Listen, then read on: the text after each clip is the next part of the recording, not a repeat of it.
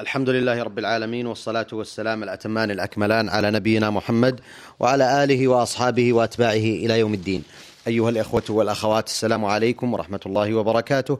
وأهلا وسهلا بكم بهذا اللقاء المتجدد من برنامجكم المسلمون في العالم مشاهد ورحلات. لقاء أسبوعي معتاد نعقده مع ضيفنا الكريم معالي الشيخ محمد بن ناصر العبودي الأمين العام المساعد لرابطة العالم الإسلامي والرحالة والداعية المعروف والذي تحدث إليكم عن بعض من جولاته وزياراته ومشاهداته لأحوال المسلمين في العالم. في بدء ومطلع هذا اللقاء باسمكم مستمعي ومستمعات إذاعة القرآن الكريم. يسرني أن أرحب بمعالي الشيخ محمد وأشكر له هذا التواصل المبارك في هذه الحلقات آه، المفيدة. معالي الشيخ محمد آه، إقليم أورنبورغ هو المحطة التي توقف الحديث عنها في الحلقة الماضية وقدمتم بعضا من المعلومات والمشاهدات عنها. آمل أن تتكرموا بمزيد من المشاهدات التي وقفتم عليها إبان رحلتكم. بسم الله الرحمن الرحيم الحمد لله رب العالمين اللهم صل وسلم وبارك على عبدك ورسولك سيدنا محمد وعلى اله واصحابه اجمعين ومن تبع هداهم إلى يوم الدين اما بعد فان الامر كما كرمتم وافضلتم وهو ان الحديث كان يدور حول اقليم اورنبورغ اقليم اورنبورغ اقليم في جنوب روسيا لا أريد أن أعيد تعريفه على الإخوة المستمعين أو تعريفه للإخوة المستمعين لأنني سبق أن فعلت ذلك في السابق. وإنما أقول إننا آه، آه، وصلنا إلى المدينة ذكرت الوصول في السابق وقلت إننا آه، وصلنا إلى نهر أورال. الذي يفصل بين قارتي آسيا وأوروبا هذا اسمه اسمه نهر أورال. القراء العرب ربما اعتادوا على أن يسمعوه بالتعريف نهر الأورال ولكن نهر الأورال أعم. هذا أخص لأن الأورال كما نعلم جبال الأورال منسوبة إليها وبلاد الأورال أيضا منسوبة إليها وأنا كتبت عنها كتابا مستقلا في غير هذا الموضوع فنهر أورال يفصل بين قارتي آسيا وأوروبا ويجري وسط مدينة أورنبورغ. وعلى هذا يقسمها إلى نصفين نصف آسيوي ونصف أوروبي. فضفته الشمالية أوروبية وضفته الجنوبية آسيوية وإن لم يكن اتجاهه إلى الشمال والجنوب مضبوطا فقد يميل أحيانا وهذا طبيعي لأن هذا هو المجرى الطبيعي للنهر. إلا أنهم قاموا عليه أي النهر جسرا تذكاريا للمشاة ممنوعا دخوله على السيارات لكونه ينتهي بدرج صعب المرتقى على الضفة الأوروبية من النهر.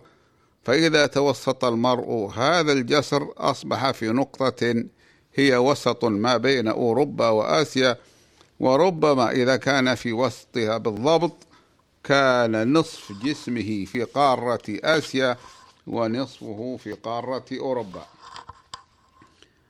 كان الشيخ المفتي الذي هو مفتي أورنبورغ وتكلمت عليه يعني تكلمت آه، في عن حاله كلاما مبسوطا في الحلقة السابقة.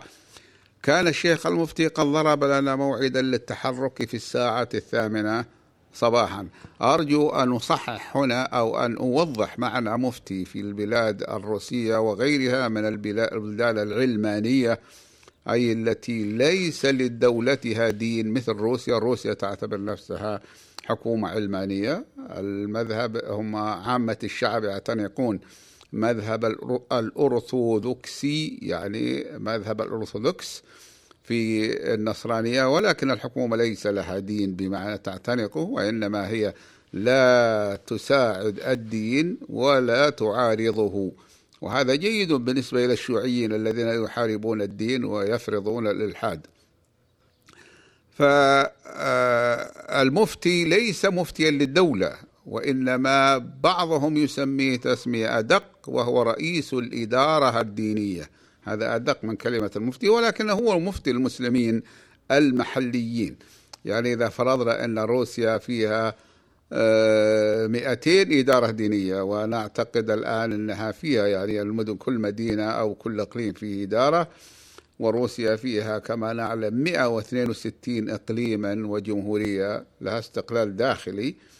فإذا كان المفتي هنا فهو يكون مفتيا للمسلمين في منطقته أو في إقليمه أو في جمهوريته ذات الحكم الذاتي مثل جمهورية تترستان أو مثل جمهورية بشقردستان أو مثل جمهورية الشيشان. هذه المفتي يكون مفتيا للجمهورية كلها المحلية والإقليم مفتيا للإقليم كله ولكنه ليس مفتيا للدولة والدولة لا تساعده ولكنها لا تعارضه وإنما تساعد إذا اقتنعت وهذا حصل بعض بمساعدة بعض المسلمين بإعادة جميع ما كان لهم من أوقاف وغيرها قبل الشيوعية التي صدرت أوقافهم. فالحكومة الروسية مشكورة وينبغي أن ينوع عليها أنها أعادت للمسلمين آه، جميع ما كانوا يملكونه بمعنى يملكونه بمعنى أنه لهم ولو كان وقفا. جميع ما للمسلمين من عقارات وغيرها إلا في بعض الأماكن التي تقر لهم بأن هذا المكان مثلا للمسلمين ولكن هنالك عوائق. مثلا يقولون هذا هذه المحلات والأماكن ملك للمسلمين لكن فيها أناس ساكنين من زمن الشيوعية لا يستطيعون أن يخرجوا. طبيعة الحال هذه حجة واهية. يقول تقول الحكومة لا يستطيعون أن يخرجوا لأنهم لا يستطيعون أن يؤمنوا لهم مساكن بديلة. فالمسلمون يقولون نحن أهل الحق وإذا كانوا لا يستطيعون فليدفعوا لنا أجرة إلى أن يخرجوا ونحن لسنا مسؤولين عن إيجاد مساكن بديلة لهم. قال المفتي كان ضرب لنا موعدا للتحرك في الساعة الثامنة صباحا بتوقيت هذه البلاد وهي لنا السادسة بالنسبة للأيام التي قضيناها قبل ذلك في موسكو وقازان وجمهورية جوفاش وجمهورية ماريئيل هذه كلها تتقدم في التوقيت آه، آه، ساعتين على توقيت أورنبورغ يعني تختلف ساعتين. ولذلك كانت آه، مبكرة إلا أن حرصنا على اغتنام الوقت جعلنا ننطلق في هذا الصباح المبكر. من اللافت للنظر أن جزء المدينة الذي يقع في قارة أوروبا هو أحسن وأعلى مستوى من جزئها الآسيوي. يعني هذا نهر يفصل بين جزئين من المدينة. الجزء الأوروبي أفضل منظرا والجزء الآسيوي أقل. الإخوة ربما كان آه، قال بعض الإخوة ربما كان ذلك أمرا مقصودا من الروس لكونهم من الأوروبيين. أما أنا فإنني قلت أن السبب أنا قلت أن هذا غير صحيح وإنما السبب في ذلك أن الجزء الذي في أوروبا هو جديد لم تكن فيه مساكن قديمة على آه، فبنوه على هيئة أبنية متعددة الطوابق مما تسميه يسميه عوام الكتاب عماير عمارة وهي منسقة الترتيب آه، منظمة التخطيط. بخلاف الجزء الآسيوي والجزء الآسيوي فإنه آه، كان قد بني قديما ولذلك صار مستواه أقل من مستوى القسم الأوروبي بالنسبة للتخطيط وبالنسبة إلى نوع المباني. على أي حال هذه مدينة واحدة والنهر لا يفرق بين جزئيها لكن هذا كلام آه، نذكره لأننا شاهدناه. قال المفتي لافتا أنظارنا إلى شيء آخر. إن مدينة أورنبورغ كما ترون يستطيع المرء أن ينتقل منها إلى أوروبا من آسيا وبالعكس في خطوة واحدة. فقط لا بد أن يحدد مكان الخطوة في هذا النهر الذي هو نهر أورال. كذلك يوجد جسر على الحدود يقول المفتي. يوجد جسر على الحدود ما بين أقليم أورنبورغ وجمهورية تتارستان ولا يفصل بينهما إلا هذا النهر ولكن يفصل بي تفصل بينهما ساعتان من التوقيت. قال فتوقيتنا متأخر عن توقيت تتارستان ساعتين مع أننا في بلد واحد هي جمهورية روسيا. هذا الجسر التذكاري هو معترض فوق نهر أورال يصل الضفتين الآسيوية والأوروبية سيرا على الأقدام إلا أنه مغلق أمام الدواب والمركبات لأن فيه درجات ترتفع إلى الضفتين نظرا للانخفاض الطبيعي في مجرى النهر على مر السنين. وقد زينوا ضفتي النهر هاتين بأشجار عديدة من أشجار الظل وأقاموا في مستوى وسط الجسر في المكان المرتفع نصبا يحمل تمثالا لرائد من رواد الفضاء الروس اسمه شيكالوف.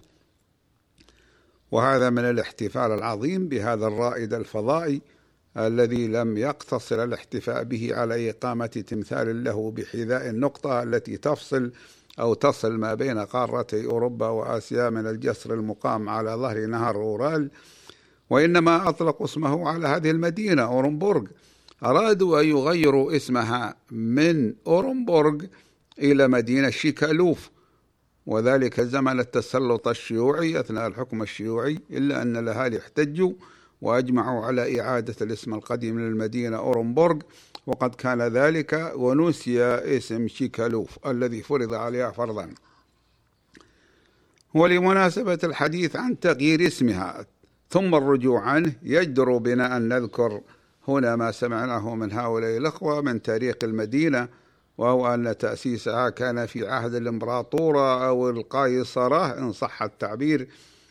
القيصرة هذه اسمها كاترين الثانية قيصرة روسيا في عام 1743 أي تاريخ ابتداء عمارة المدينة في عام 1743 وكانت تؤلف في ذلك الوقت حدود روسيا مع بلاد قزاقستان لأن النهر يؤلف الحدود بين البلدين.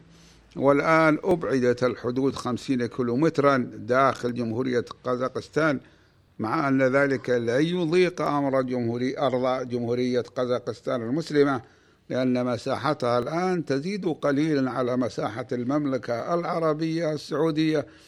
إلا أي أنا أقصد مساحة قزاقستان. والكلام عليها هو استطراد إلا أنها خصبة في أكثرها. وتنتج مقادير عظيمة من الأغذية والأعلاف وفيها معادن كثيرة منها النفط ومنها الغاز وكانت تعداد سكانها عند الاستقلال سبعة عشر مليونا. أنا أقصد طبعا وأتكلم على قزاقستان القريبة من هذه الحدود.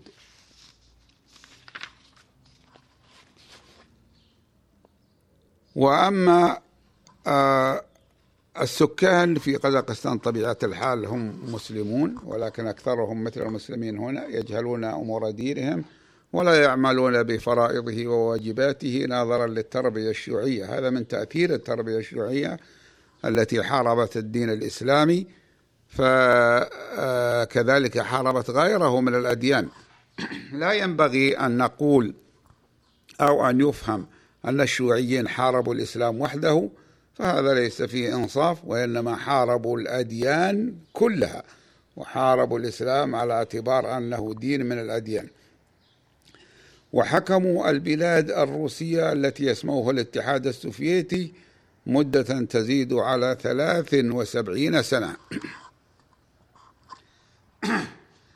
ويعيش في قزاقستان المجاورة أيضا ثلاثة ملايين نسمة من الإخوة المسلمين. هذه بلاد ما وراء النهر إلى جانب المستوطنين الروس الذين بقت منهم ملايين آه، فيها. هذه المدينة التي هي مدينة أورنبورغ أصل تسميتها من اللغة الألمانية وذلك لكون الثقافة الألمانية هي الغالبة على بلاط القيصر الروسي في تلك العهود. ومن مظاهر ذلك تسمية عاصمة القياصرة في روسيا مدينة لينينغراد. كان اسمها بطرسبورغ قبل أن يغيره الشيوعيون إلى لينينغراد. لاحظ نلاحظ الآن أورنبورغ وبطرسبورغ. أورنبورغ وبطرسبورغ بورغ في معناه مدينة باللغة الألمانية. فالشيوعيون غيروها إلى لينينغراد. ثم أعاد أهلها إليها الاسم القديم بعد سقوط الشيوعية باسم بطرسبورغ وبعضهم يسميها سانت بطرسبورغ. فبورغ معناها بالألمانية مدينة ولذلك عندما غير الشيوعيين اسمها إلى لينينغراد استبدلوه بكلمة جراد بمعنى مدينة في لغة روسيا. فروسيا لغتهم يسمون المدينة جراد وليس ذلك خاصا بهم بل حتى اللغة أبن عمهم في الجنس السلافي مثل اليوغوسلافيين يسمون المدينة جراد ومن ذلك عاصمتهم بيوغراد بمعنى المدينة البيضاء. لكن من تأثير الثقافة الألمانية في روسيا سميت بعض مدنها المدينة بمعنى بورغ هذه المدينة أورنبورغ معنى اسمها مدينة النهر بالألمانية فبورغ مدينة وأورن نهر. وقد ترجمها المفتي بأن معناها النهر في المدينة ولا أرى أن هذه ترجمة فقهية فصحيحة. نزلنا من أقدام تمثال شيكاكوف الذي الشيكالوف الشامخ يعني هذا الذي هو آه، رائد فضائي مع درج حجري صعب إلى حيث الجسر وهنا ووقفنا هنيهة في وسط الجسر التقطنا في بعض الصور التذكارية تاركين استكمال الحديث عن ذلك عند زيارة النصب الرسمي الذي يفصل بين القارتين على ضفة النهر حيث ينحرف مجراه قليلا. وبعدنا عدنا إلى الصعود الشاق وهذه طبيعة الشيوعيين في عدم النظر إلى ما يشق على سائر الناس وعدم أخذ ذلك بعين الاعتبار. وقفنا بجانب تمثال لرائد الفضاء.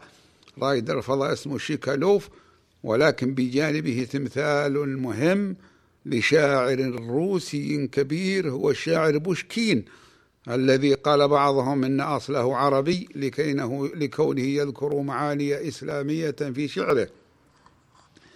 ويقول بعض أهل هذه البلاد إن أصله ليس عربيا ولكنه قزاقي مسلم لذلك وردت هذه المعاني الإسلامية في شعره. وأيا كان الأمر فإنهم قد أقاموا له آه، تمثالا وهو معتبر من كبار الشعراء باللغة آه، الروسية وله عندهم مقام عظيم وقد رأيناهم أقاموا له تماثيل وأسموا أطلقوا اسمه على ميادين عديدة في مدن روسيا المتعددة وقد ذكرت هذا في أماكن في أماكنه. لكنهم هنا أقاموا له تمثالا على ضفة هذا النهر الذي يفصل بين آسيا وأوروبا مثلوه فيه جالسا على الأرض وبيده قلم يكتب به على لوح فوق فخذه أي بدون مكتب يعتمد عليه. وهذه هي الطريقة القديمة التي كنا نكتب بها قبل أن نعرف في بلادنا هذه المكاتب المسماة بالطاولات. إن إقامة تمثال الشاعر بجانب تمثال البطل الفضائي أمر له دلالته فالقوم لم يكتفوا لم يكتفوا بالمعارف أو قل بالأمور الوجدانية الإنسانية التي يمثلها الشاعر حتى أقاموا لبطل آخر يمثل علما حديثا من العلوم التجريبية هو علم الفضاء واستطاعة الإنسان أن يسبح في الفضاء الخارجي وإن يكن ذلك مع اتصاله بمركبة الفضاء. ونحن العرب أو نقول إن أكثرنا اعتمدوا على بعض العلوم الإسلامية والآداب كالشعر والأدب. وأهملوا الجانب البحثي من العلوم فبقوا على ما هم عليه من حالة صاروا فيها عالة على غيرهم من الأمم الكافرة. التي تمن عليهم بما تبيعه عليهم من سلاح أو من معارف تجريبية حديثة. هذا والهواء اليوم جميل والنهر يتدفق فاصلا بين القارتين الأوروبية والآسيوية وإن لم تختلف إحدى ضفتيه عن الأخرى الأخرى إلا بما فعلته يد الإنسان بها. والسير على ضفة النهر هذا ممتع حيث لا حر ولا قر إلا أنني فكرت في حالته في الشتاء حيث يتجمد ويبدو كما لو كان قد مات لأن هذا هو ما يراه الإنسان من ظاهره. أما باطنه فإنه يظل يجري ولكن تحت الثلج لا سيما إذا كانت مياهه كثيرة أو عميقة. وقد تأملت هذا النهر في هذا الجسر المعتنى به. وقد تأملت هذا النهر من هذا الجسر المعتنى به فرأيته غير جميل. يعني أقصد المنطقة التي فيها النهر. وقد تناثرت فيها زجاجات خمر فارغة. ومعروف أن الروس من أكثر شعوب العالم معاقرة للخمر بحجة البرد في بلادهم. مررنا في طريقنا إلى دار الإفتاء. يعني نحن ذاهبون إلى دار الإفتاء فمررنا بشوارع المدينة وميادينها ورأيت الناس قد جلسوا في الشمس يريدون أن يخزنوا منها في أجسامهم مؤونة الشتاء حيث لا تطلع عليهم صافية إلا لماما. يعني حتى لو طلعت وأشرقت فإنها أشعتها لا تصل لا تكون صافية ولا تصل إليهم. لأنها منحرفة عن مسامتة آه، آه، عن مسامتة الأرض هناك. الشعب من النظرة الأولى شعب مختلط. فيه ثلاثة أجناس أولها الروس الخلص ومظاهرهم معروفة ظاهرة والثاني المختلطون الذين ولدوا ما بين التتار والروس والثالث المسلمون الخلص من أهل البلاد الأصلاء وهم من التتار الذين هم البلغار القدمى بلغار الفلقة وليسوا بلغار البلقان. فبلغار البلقان الموجودون الآن في جمهورية بلغاريا هؤلاء أساسهم جاءوا من هذه المنطقة ولكن ذلك كان منذ أكثر من ألفي سنة واختلطوا بغيرهم من السكان وبذلك ضاعت فيهم الملامح البلغارية الأصيلة ولكن البلغار الأصلاء هم هؤلاء الذين يسمون الآن بلغار الفرق الفلقة والذين منهم أو من أكثرهم أهالي أورنبورغ الأصلاء كما يرى المرء القازاق الذين هم جنس تركي قديم متميز وهو في المظهر ما بين مظاهر المغول وبين مظاهر الترك القدماء التي تقع شمال بلاد النهر وتميزها الملامح التركية القديمة التي منها ضيق العينين وبروز الوجب الوجنتين وقرب الوجه من الاستدارة. وهذه لا توجد ظاهرة في سكان جمهورية روسيا في جمهورية تركيا الآن. لماذا؟ لأن السكان اختلطوا بجماعات من السكان الذين حكموهم ومنهم العرب. وجدنا المائدة في دار الإفتاء عندما وصلناها منصوبة فأسرع القوم بإحضار طعام الإفطار حيث وجدنا الطعام المنوع ومنه لحم من لحم الضأن. يعني هم يقدمون اللحم في الوجبات الثلاث علامة على التقدير والإحترام.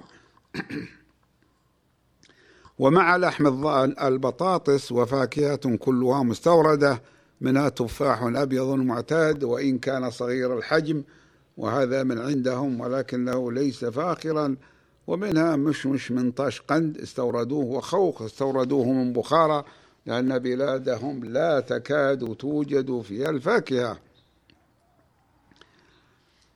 وتوفير الطعام هنا مهم ويحرص رؤساء الإدارات الدينية في روسيا والاتحاد السوفيتي السابق على تهيئة الطعام لضيوفهم وذلك لكون البلاد كانت في السابق شيوعية ملحدة من الناحية الرسمية.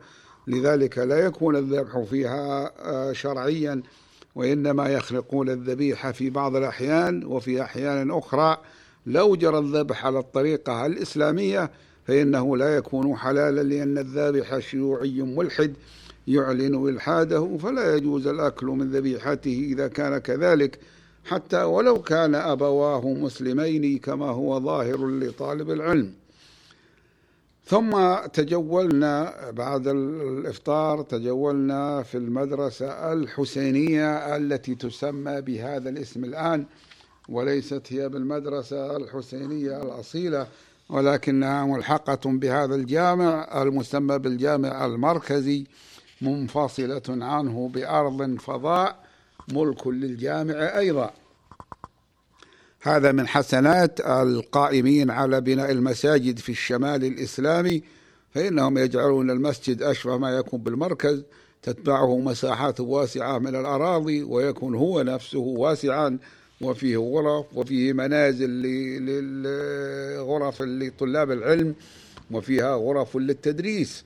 ولذلك نجده أشبه بالمركز منه بالمصلى. يعني المصلى لا يؤلف إلا جزءا صغيرا من أرض الجامعة. الإخوة آه، أجروا هذا الميدان أو هذه الأرض الفضاء قراشا للسيارات من أجل الانتفاع بأجرتها في نفقات المجلس في نفقات المسجد المتكررة وقد كانت السلطات الشيوعية صادرتها. صادرت هذه الأرض من قبل وجعلتها مركزا للشرطة فاستعادوها منها في عام 1300 1993 وأسموها المدرسة الحسينية. على اسم مدرسة قديمة عندهم كانت تسمى بالمدرسة الحسينية تخرج منها عدد من العلماء والطلاب. ودرس فيها فطاحلة العلماء من أهل البلاد ولم يستطيعوا استعادتها حتى الآن ولذلك أسموا هذه المدرسة باسمها من أجل أن يعطوا الطلاب المتخرجين شهادات التخرج بهذا الاسم أملا في أن يستعيدوا المدرسة الحسينية المذكورة فتستأنف الدراسة الدينية بها وسوف يأتي الكلام على المدرسة الحسينية الأصيلة عندما نزورها فيما بعد بإذن الله. يسكن بعض الطلبة الدارسين في غرف في المدرسة ولكن عددهم قليل في الوقت الحاضر لقلة الإمكانات المالية بسبب الحالة الاقتصادية السيئة للبلاد التي كانت سائدة منذ سقوط الشيوعية وقد تغيرت الآن إلى الأفضل. ليست هنا فقط وإن في جميع أنحاء روسيا تغير اقتصادها كثيرا جدا إلى الأفضل.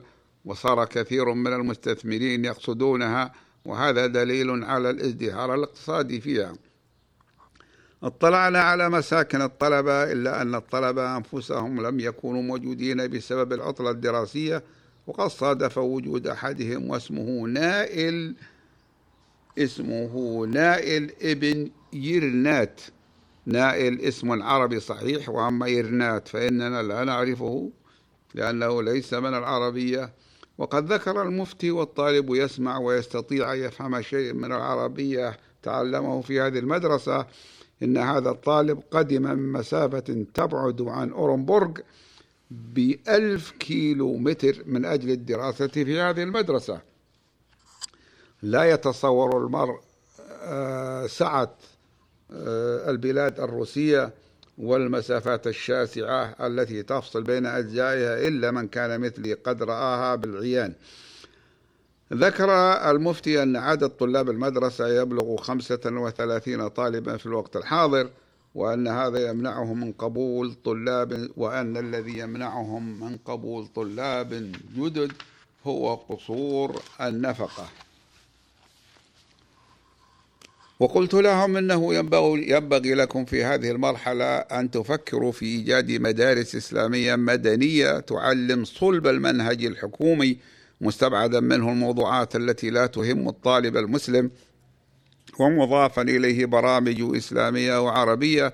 فهذا يجعل الناس يقبلون على الدراسة فيها لأنها تضمن لأولادهم أن يواصلوا دراستهم في مراحل الدراسة التي أعلى منها. حتى في مدارس الحكومة مما يمكن أبناء المسلمين من الحصول على الشهادات العليا اللازمة لشغل الوظائف المهمة في الدولة ويمكن أن تعطيكم الدولة إعانات لكونكم تعلمون طائفة من أبناء الشعب الذين تقوم الدولة بتعليمهم إذا كنتم تدرسون صلب المقرر الحكومي يعني العلوم والأشياء المهمة لا الدين لأن الدين لا يدرس في المدارس الروسية لا الدين المسيحي ولا غيره. فقالوا هذا هو ما فعلناه وقد بدأنا بالفعل بإنشاء مدرسة إسلامية قومية للمرحلة الابتدائية فيها منهج إسلامي إلى جانب المواد المهمة من المنهج الحكومي. وتعترف الدولة بشهاداتها ويدرس الطلاب فيها مبادئ اللغة العربية والأمور الأساسية في الدين الإسلامي.